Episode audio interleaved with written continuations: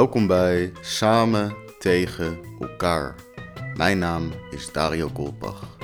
Dit zijn wekelijkse inzichten vanaf een plek waar mijn bed lieve woordjes in mijn oor fluistert. Planeet Aarde. Met in het stuk van deze week opstaan. Dus, lieve luisteraars, geniet of niet.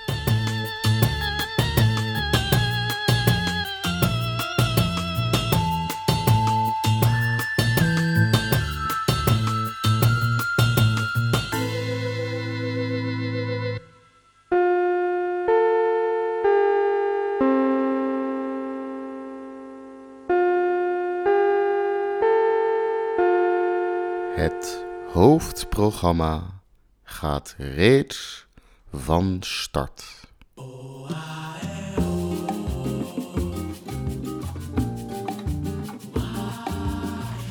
Wat kan een dag brengen die met opstaan begint?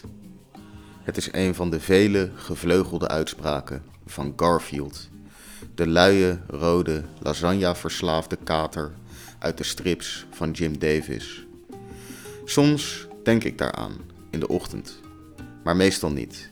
Meestal ben ik druk aan het rekenen hoe lang ik nog kan blijven liggen zonder te laat te komen.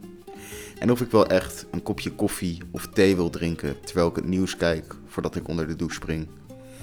Ik ben altijd slecht geweest in opstaan. En hoewel ik er wel wat beter in ben dan vroeger, gaat het nog altijd niet van harte. Als kind vond ik het oneerlijk dat ik s'avonds altijd naar bed moest terwijl ik dat niet wilde. En s'morgens er weer uit werd gesleurd tegen mijn zin in. Waarom gaven mijn ouders mij van die tegenstrijdige signalen die ik altijd precies omgekeerd wilde opvolgen? Soms was er een spannende film op tv of een aflevering van Baantje. Detectives Dick Fledder en De Kok met COCK. Deze mannen, vernoemd naar internationale mannelijke geslachtsorganen, wisten altijd de moord op te lossen op een spannende, doch onverwachte manier.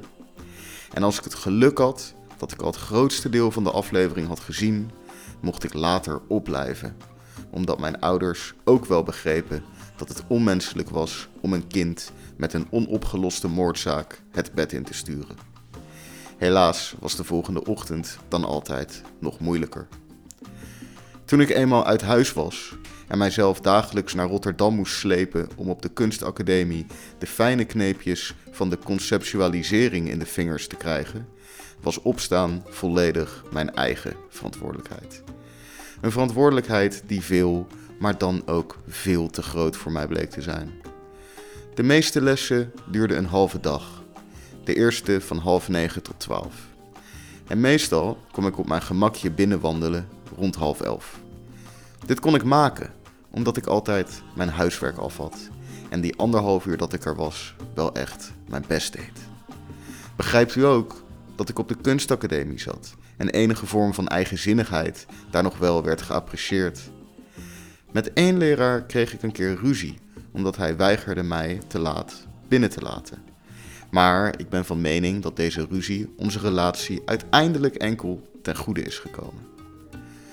Een andere docent was minder vergevingsgezind. Haar les was op maandagochtend en dat jaar besloot de schoolleiding de start van de dag te verschuiven van half negen naar acht. Een onbegrijpelijke beslissing.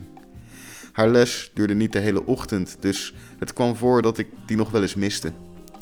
Toen ik via klasgenoten hoorde dat de docent in kwestie mij belachelijk had gemaakt tijdens de les, door voor te doen hoe ik nog lag te slapen, terwijl de rest van de klas wel gemotiveerd in de banken zat, besloot ik met haar te gaan praten.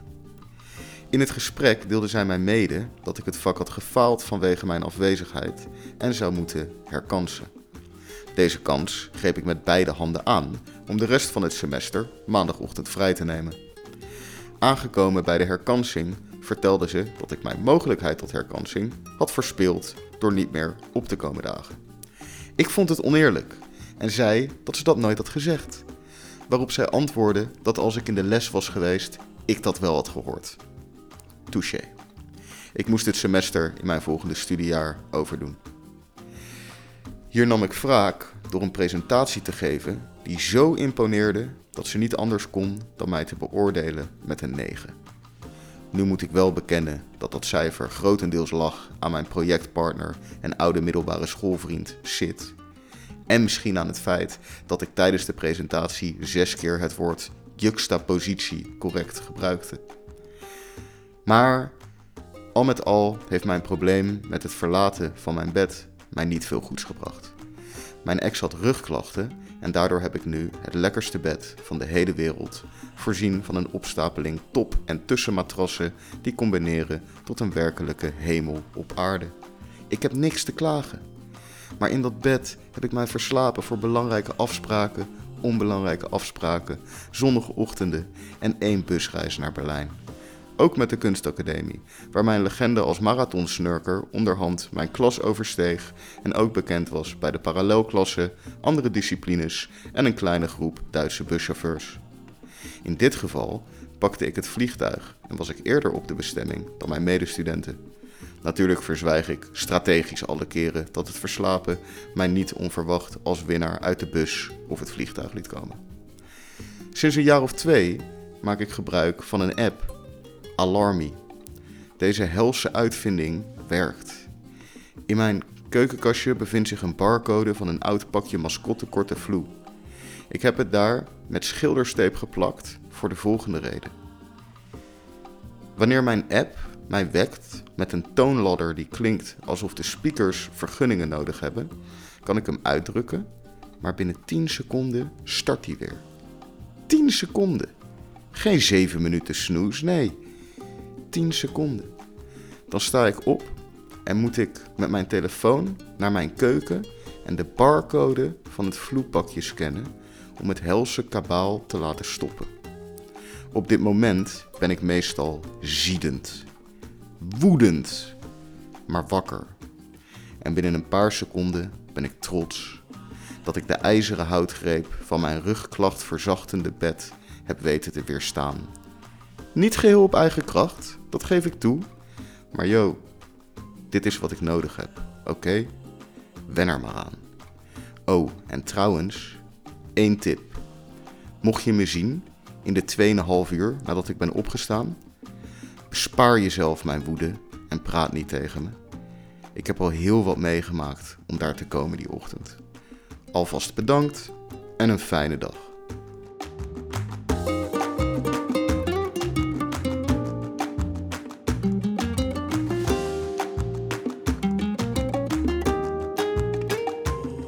Bedankt voor het luisteren naar Samen tegen elkaar. Slaapt u ook nachtelijks?